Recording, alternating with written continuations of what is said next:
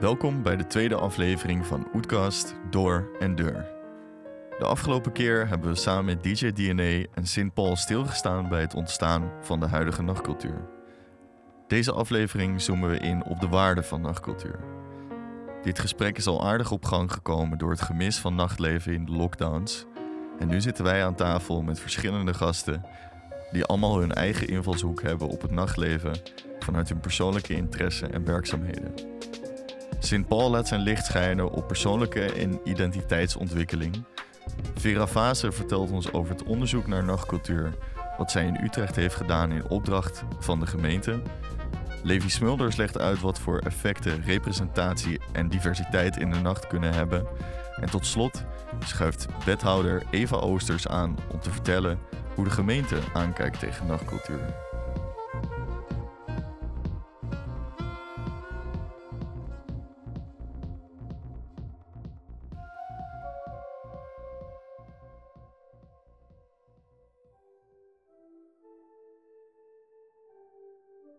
De waarde van nachtcultuur betekent voor iedereen wat anders. Voor de ene is het een vorm van escapisme uit het dagelijks leven en voor de ander is het dagelijks leven. Paul is een van die mensen waar het dagelijks leven vooral in de nacht plaatsvindt. In de vorige aflevering vertelde hij over de ontwikkelingen van Utrecht en Poppomedic in de afgelopen 20 jaar. Nu vertelt hij over de impact die nachtcultuur heeft gehad op zijn persoonlijkheid. Identiteit is voor mij heel erg belangrijk. Ik, ben, ik kon altijd makkelijk leren.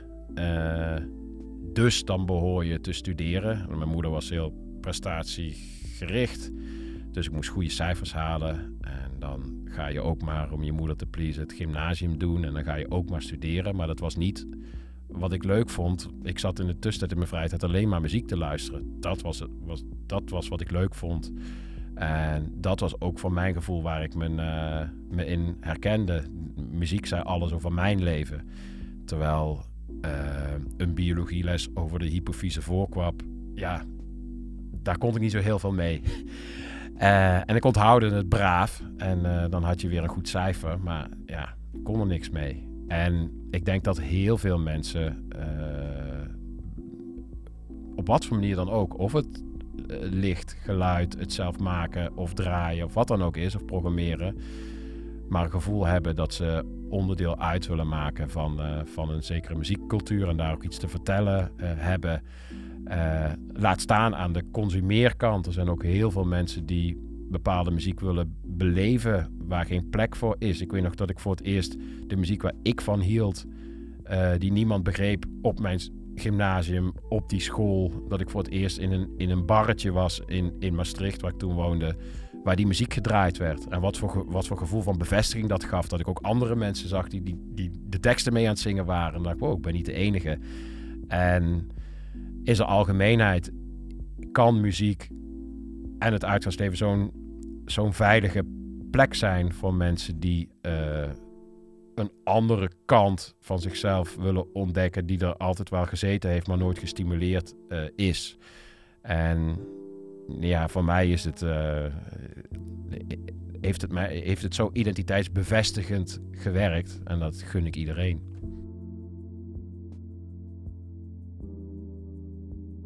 Als dit geen mooie introductie is over de waarde van nachtcultuur.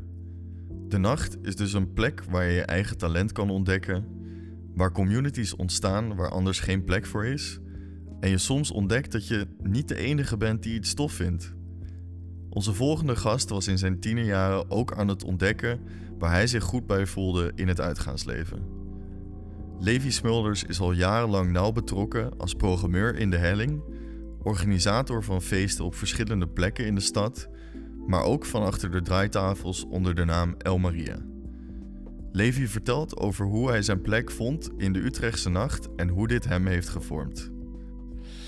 Uh, nou ja, jullie hebben natuurlijk Paul gesproken. Uh, en, uh, en, en als 16-jarig jongetje was, was Popomatic wel een, wel een belangrijke plek. Maar al vrij snel kwam ik erachter dat, dat één specifiek genre mijn, mijn hartje sneller deed kloppen. Dat was drum en bass. Dus in Utrecht was er in die tijd heel veel te doen op dat gebied. Dus, dus wat dat betreft had ik geluk dat ik hier, hier opgegroeid ben.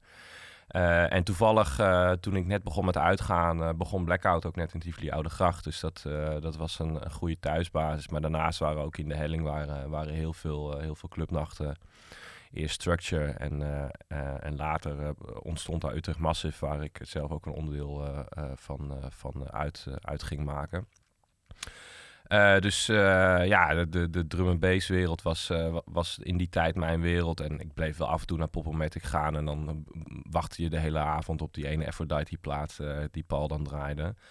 en en drum and bass was ook wel een genre, wat ik al zei. Dan, dan ging je naar de Melkweg en je ging naar Nighttown in die tijd. En je ging naar Paard, Paard van Troje heette dat toen nog.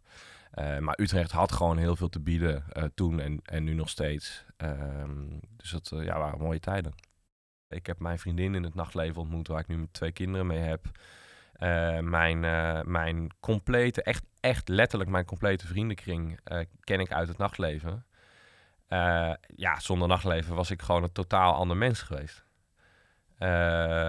100, echt letterlijk 100%. Zelfs, zelfs ja, ik, ik, ik, heb ook wel geluk gehad. Mijn ouders, zelfs mijn ouders kennen elkaar uit het Utrechtse nachtleven. Uh, uh, niet zozeer de danskant, maar, maar de, de, de, de bandjeskant, zeg maar. Ik weet niet of je dat nachtleven kan noemen, maar het uitgaansleven, laat ik het zo zeggen. Dus ja, voor mij persoonlijk heeft het een, heeft het een enorme... En het gekke is, ik ben helemaal geen nachtdier. Ik, uh, ik, ik vind vroeg opstaan hier... Ik vond het ook helemaal niet erg om, om hier om negen uur s ochtends te zitten. En, en wat ik al zei, die, die middernachtcurfew sloeg natuurlijk nergens op, maar ik vond het persoonlijk wel lekker. Nachtcultuur is dus niet alleen voor de echte nachtdieren van belang. Het is veel breder dan dat. Cultuur is over het algemeen een weerspiegeling van de maatschappij en dat geldt dus ook voor de nacht. Op het gebied van emancipatie en representatie zijn er in nachtcultuur de laatste jaren grote veranderingen geweest. Wij vroegen aan Levi hoe hij deze ontwikkeling heeft meegemaakt. Ja, dat is een goede vraag. En ik, moet ook wel zeggen dat ik, ik ben er natuurlijk professioneel gezien ben ik daar wel heel erg veel mee bezig. En uh, nog steeds, eh, zowel in de helling als, als in de Melkweg, waar ik, waar ik nu ook al een aantal jaar werk, uh, programmeren we nog steeds heel veel drum en bass. dat, dat, dat, ja, de geschiedenis ligt zowel in de Melkweg als in de helling. En, en nog steeds zijn dat de plekken waar dat, waar dat gebeurt. Maar drum loopt erin echt gewoon hopeloos achter. En en dat, ja, dat, dat gaat me wel aan het hart. Uh, en daar probeer ik ook wel voor te vechten om, om ook in die, uh, die scene die emancipatie tot stand te brengen. maar het is inderdaad zo dat, dat toen ik begon met uitgaan en mijn eerste stapjes achter de draaitafel zetten en feestjes ging organiseren, toen was dat eigenlijk, niemand had het daarover. En je zou het, je zou het uh, dat bedenk nu te plekke hoor, maar je zou het eigenlijk denk ik met de Zwarte Pieten discussie kunnen vergelijken. En het interview met Erik van Muizenkel laatst, die, die zei van, uh, kan me nu niet meer voorstellen, of ik kan me met mijn hoofd niet bij dat ik pas zo laat door had hoe, hoe kwetsend dat was.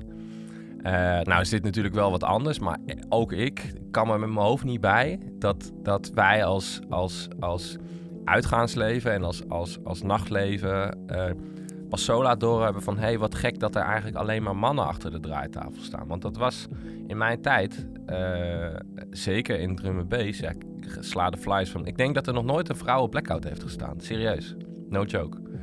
Ja, het is gewoon, het is gewoon belachelijk. Ehm... En ja, ik denk dat er in de hele maatschappij is er gewoon de, de laatste tien jaar is er meer aandacht voor, voor uh, inclusie, uh, emancipatie, diversiteit, noem het allemaal maar op.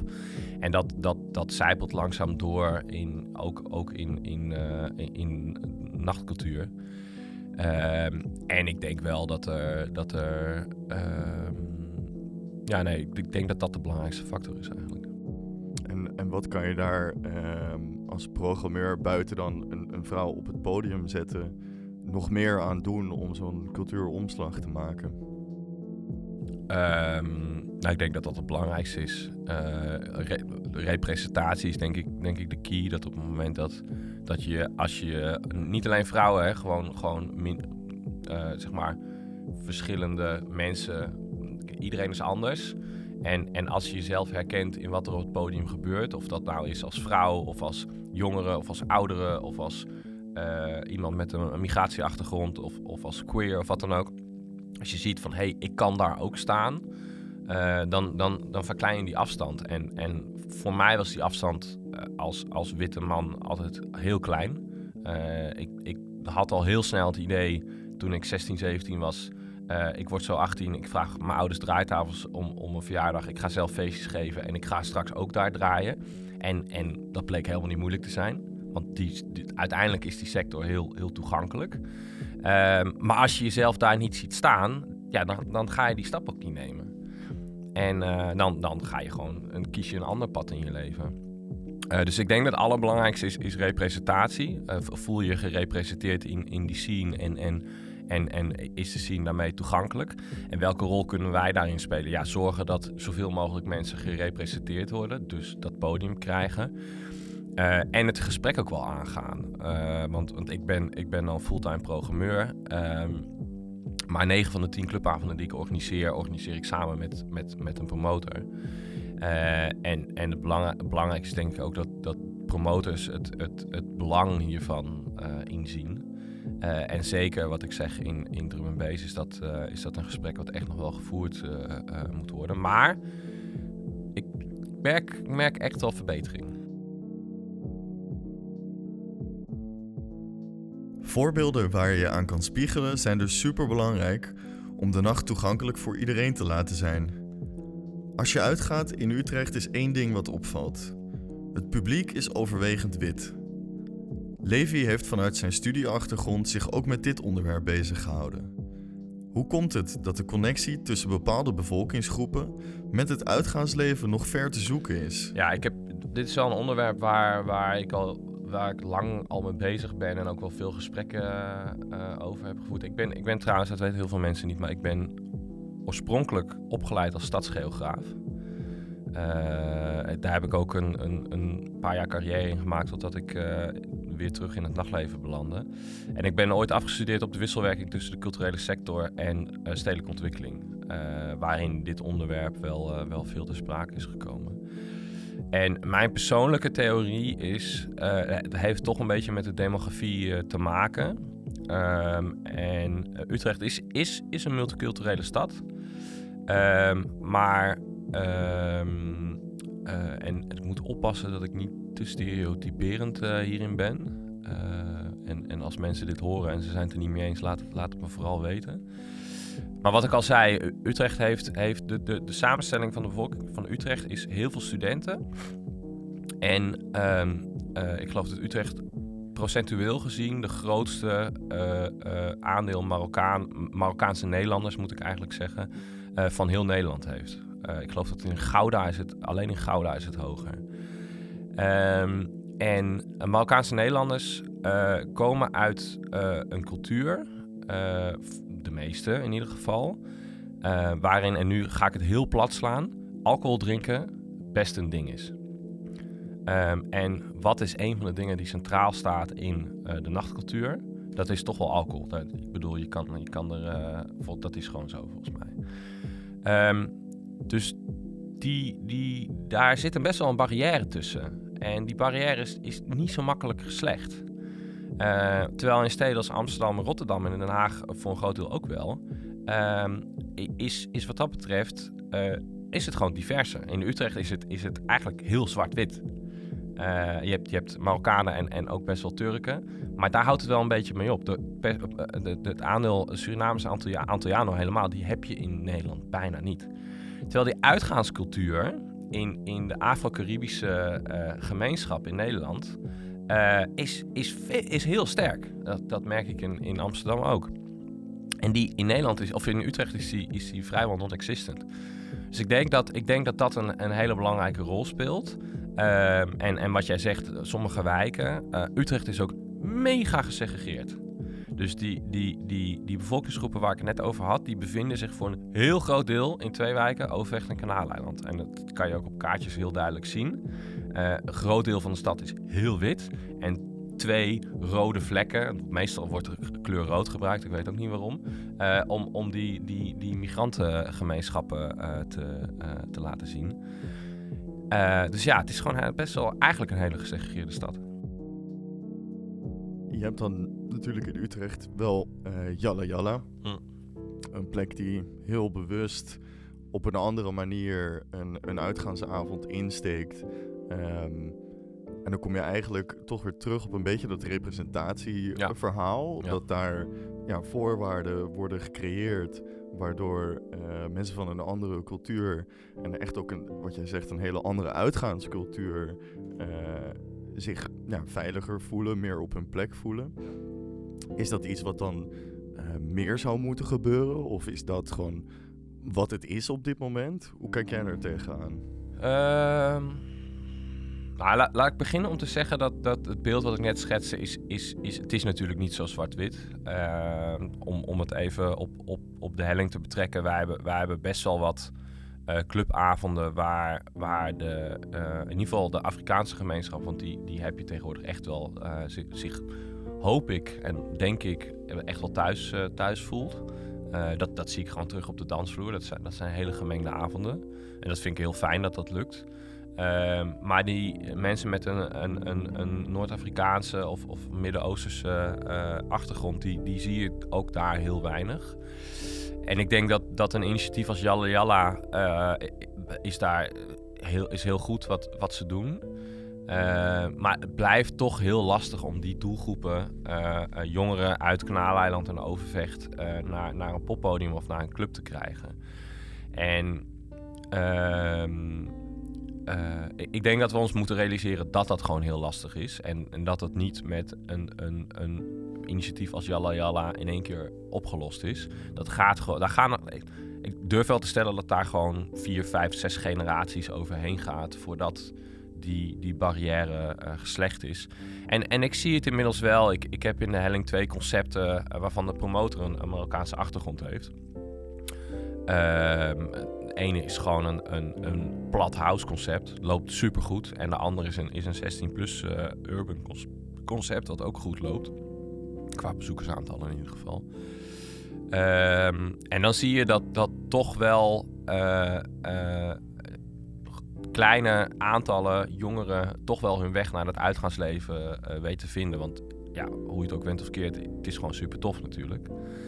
Uh, dus dat kan of via een weg waarin je je cultuur gerepresenteerd ziet, of je raakt zelf geëmancipeerd en, en, en uh, je weg naar het reguliere nachtleven, zeg maar.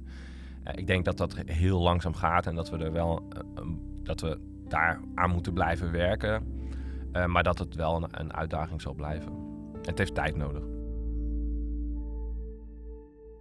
Jezelf gerepresenteerd zien, zodat je je weg kan vinden in het nachtleven.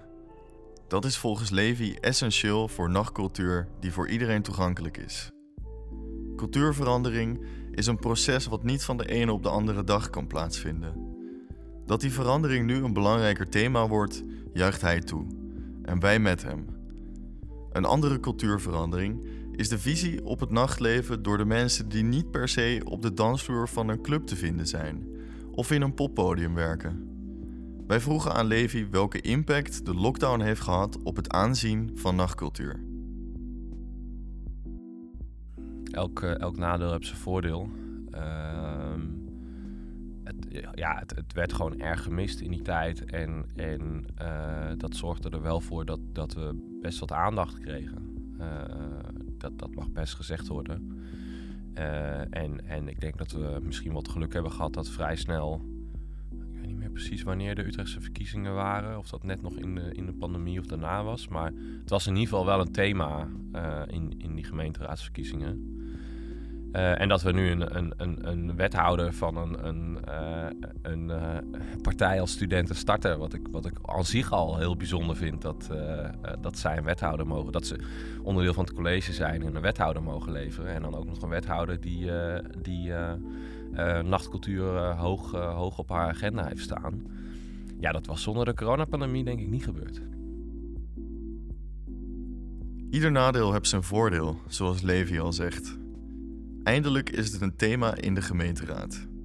Met kleine stapjes komt er meer aandacht voor de Utrechtse nacht. Iemand met veel aandacht voor de Utrechtse nacht is Vera Vase. Vera woont en werkt nu in Brussel, maar heeft in meerdere rollen bij Echo gewerkt, zette zich in voor Le Guess Who, is DJ, maar daarnaast ook onderzoeker.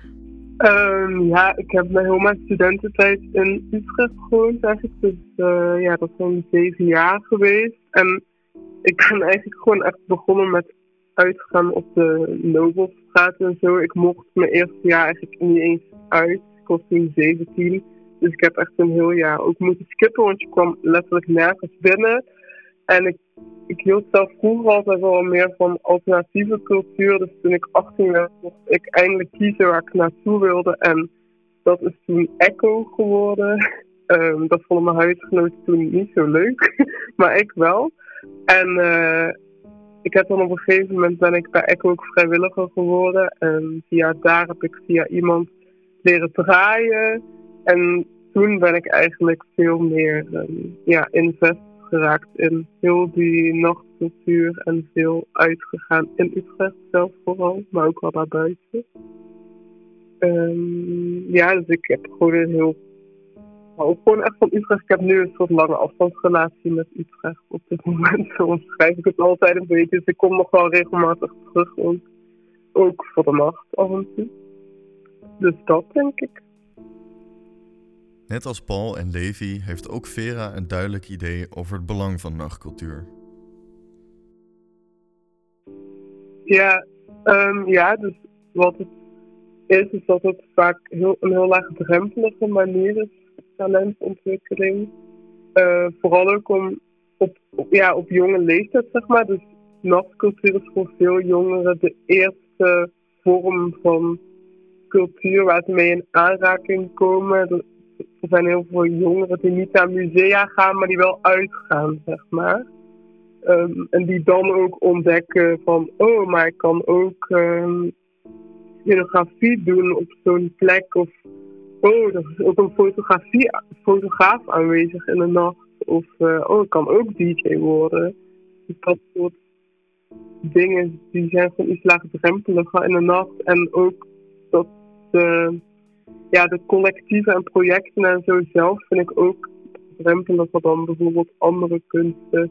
Dus het is veel makkelijker om je aan te sluiten bij iets in de nacht. Iedereen is altijd op alle plekken. Je kan gewoon mensen aanspreken en dan ook iets betekenen voor een collectief of zo. Um, dat, dat voedt zich veel meer van onderaf en van initiatieven die mensen zelf hebben uh, dan andere culturele plekken uh, doen eigenlijk. Toen Vera vanuit de Nobelstraat terechtkwam bij Echo, kwam zij erachter, zoals velen, hoe levendig het Utrechtse nachtleven is. Een broeiende scene vol inspiratie. Daar wilde ze wat aan teruggeven. Ja, dat klopt. Um, ja, het is allemaal een beetje vaag gegaan, maar ik was destijds gewoon op zoek naar een stage voor mijn studies. Ik heb Nederlandse literatuur en cultuur gestudeerd, een onderzoeksmaster en ik moest daarvoor een onderzoek doen heb heel lang gezocht naar wat ik wilde doen. En het kwam maar niet van de grond. En ik heb dan nog een keer uitgesteld. En uiteindelijk dacht ik, oké, ja, wat is cultuur? En dat vind ik zelf heel erg nice. En toen kwam ik eigenlijk uit op die nachtcultuur. En toen zei mijn begeleider van mijn universiteit meteen van ja, supergoed idee. Um, en dan was ik nog op zoek naar een plek waar ik het kon doen. ik heb onderzoeksinstituten aangeschreven, die hadden toen geen plek. Toen zei mijn begeleider, gaat bij gemeentes vragen. En dat was eigenlijk zowel Amsterdam als Utrecht die het toen dat onderzoek heel graag wilde. Uh, maar toen heb ik voor Utrecht gekozen omdat ik daar zelf uh, ja, al lang woonde en dat wel uh, interessant vond voor mijn eigen stad te doen. Dus op die manier eigenlijk. En gewoon aangeklopt door iemand van culturele zaken. Het onderzoek en die wat zei, ja, in 2020 heel graag. deed, leverde twee duidelijke aanbevelingen op.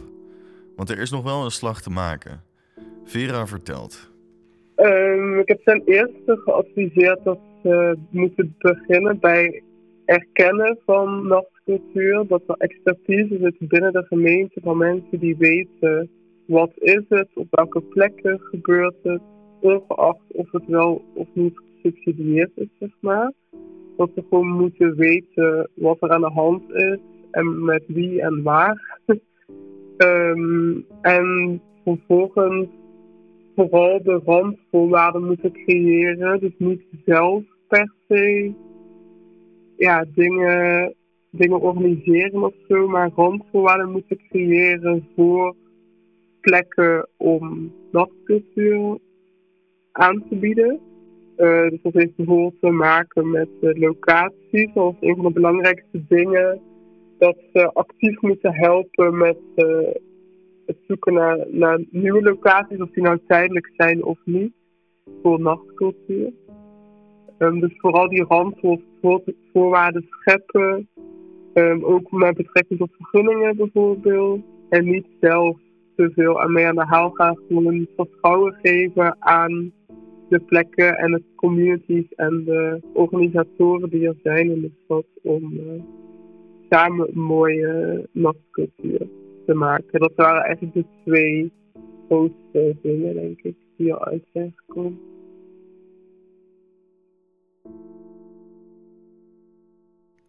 De gemeente kan zich het beste vooral bezighouden met randvoorwaarden. Wethouder van Cultuur Eva Oosters die er mede verantwoordelijk voor was dat Vera haar onderzoek kon uitvoeren, onderstreept dat de waarde van nachtcultuur eerder nog wat onderbelicht werd in de plannen van de gemeente. We spraken met haar over haar rol in het realiseren van de aanbevelingen die uit het onderzoek van Vera kwamen. Ja, wat je ziet is dat eigenlijk uh, de nacht nog niet heel erg als een soort vast onderdeel van dat cultureel aanbod werd, gezien. En dat het in de afgelopen jaren een beetje in een, in een soort stroomversnelling is gekomen. Het is ook heel fijn dat op een bepaalde manier uh, de nacht elkaar ook heeft gevonden in dat overleg. En op die manier veel meer ook een gebundeld geluid heeft gegeven. Um, dus het allereerste was heel erg belangrijk om het een beetje op de kaart te zetten. Uh, en vervolgens te kijken van wat is er dan nog meer nodig om die nacht een beetje tot bloei te laten komen in Utrecht locaties, uh, maar ook de diversiteit van het aanbod. Het zijn heel veel dingen die nog uh, net wat beter zouden kunnen. Uh, ondanks dat het al gewoon echt een hele mooie scene is. En ik denk dat je daar ook als gemeente een rol in zou kunnen hebben. Het is heel grappig, want toen ik met stage liep was Eva nog gewoon partijlid. Dus ik heb toen op een heel andere manier met haar hierover gepraat. Omdat ze nu Jan Wethouder is. Dat is natuurlijk een heel andere rol die zij nu heeft om als student en starter is wel echt zo'n voorvechter voor nachtcultuur geweest. Ze hebben ook mee toen die motie geschreven. ik ben heel benieuwd wat nu haar positie is. De motie waar Vera het over heeft is belangrijk voor de toekomst van Utrecht. Het is het startpunt van een nieuwe visie op nachtcultuur in de gemeenteraad. Wij vroegen de wethouder naar de aanleiding van deze motie en de gevolgen die het heeft gehad. Ja, dat, ja, die was inderdaad ook van mijn hand, dus dat klopt. maar dat is uh, eigenlijk een, uh, een beetje een verzameling geweest van signalen die wij kregen vanuit de sector zelf, maar ook vanuit de bezoekers van het nachtleven over een beetje het gebrek aan die verbondenheid en het gebrek aan een gezamenlijk geluid dat uiteindelijk ook een mooiere positie voor die nachtcultuur zou kunnen brengen in het cultureel aanbod in Utrecht. Um, en toen ben ik dus eigenlijk ook met die verschillende aanbieders ook aan tafel gegaan om te kijken van jongens, wat zouden we daar nou kunnen doen? Hoe zouden die politiek nou iets meer kunnen aanzetten om daar een, uh, een issue van te maken en dat echt op de politieke agenda te zetten? En dat is er toen uitgekomen. Uh, en het is heel fijn dat dat toen vervolgens ook eigenlijk in de cultuurnota is meegenomen als een belangrijk onderdeel om uit te gaan werken. Um, en nu, ja, nu is het dus inderdaad uh, aan mij ook om de nachtvisie een zetje in de rug te geven. Ja. En wat is volgens jou de, de sociaal-maatschappelijke rol uh, die de nacht en vooral dan de nachtcultuur heeft voor uh, de stad Utrecht? Ja, ik denk echt heel veelzijdig. Ik denk aan de ene kant voor veel mensen een uitlaatklep. Het is een plek waar mensen zichzelf kunnen zijn. Het is tegelijkertijd ook iets waar veel creativiteit, uh, mensen hun creativiteit kwijt kunnen. Dus nou, heel anders dan dat op andere presentatieplekken zou kunnen. ik denk ook dat het veel voor werknemers, dus mensen die bijvoorbeeld van een creatieve opleiding komen of technische opleidingen, die daar juist heel erg aan de slag gaan. Dus het heeft op zoveel vlakken een enorme waarde ook voor, voor de bewoners. Je zag ook natuurlijk in de afgelopen periode van coronatijd wat het heeft gedaan met de mentale gezondheid van veel jongeren. Uh, nou, en ik denk dat, uh, dat de nachtcultuur, of eigenlijk het wegvallen van die nachtcultuur, daar ook echt een rol in heeft gespeeld. Het is mooi om te horen dat de waarde van nachtcultuur zo hoog in het vaandel staat bij onze wethouder van cultuur. In de volgende aflevering zal Eva nog meer te horen zijn over de input voor de toekomst. Om deze aflevering af te sluiten, laten we Levi nog één keer aan het woord. Hij vat prachtig samen waarom het zo belangrijk is dat de nachtcultuur de waardering krijgt die het verdient. Voor mij de essentie van nacht, nachtcultuur, en dat is natuurlijk voor iedereen anders, maar de nachtcultuur voor mij persoonlijk is een, een, een mega dik sound system. Eh, een DJ die zieke muziek draait, waar je, waar je, die, die je voelt. En, en gelijkgestemde mensen om je heen. Ja, dat, dat is gewoon uniek. Dat is gewoon goud. En, ehm, en dat is zo'n zo'n eh, eh, eh, rijke voedingsbodem voor van alles en nog wat. En, en onder andere dus het, het vormen van, van identiteiten en, en, en sociale netwerken. Ja, dat zie je op heel veel. Ik bedoel, het studentenleven is dat ook op een bepaalde manier. Studentenverenigingen hebben, hebben een vergelijkbare, spelen een vergelijkbare rol, denk ik. Ik, ik ben opgegroeid in Utrecht. en, en woonde in, in, in, een deel van Utrecht waar heel veel studenten zaten die ik, waarvan ik dacht, oh, zo wil ik nooit worden.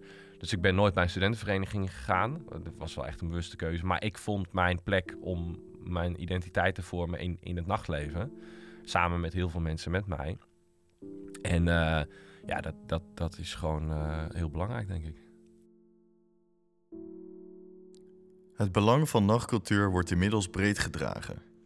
In deze aflevering hebben verschillende gasten uitgelegd wat het voor hen persoonlijk betekent en wat voor maatschappelijke waarde de nacht kan hebben. Met een jonge wethouder voorop wil de gemeente zich ook hard maken voor nachtcultuur. Maar we moeten het als inwoners van Utrecht uiteindelijk zelf vormgeven. Dat vraagt om een zelfkritische en open blik op hoe de dingen nu gaan. Na het onderzoek van Vera wordt er gewerkt aan een duidelijke visie op de toekomst. Die toekomst van een breder aanbod, meer toegankelijkheid en inclusie zullen we in de derde en laatste aflevering van deze serie bespreken. De blik is rooskleurig, maar hoe gaan we in Utrecht de toekomst van nachtcultuur vormgeven? Daarover spreken we in de volgende en laatste aflevering van Oetkast, Door en Deur.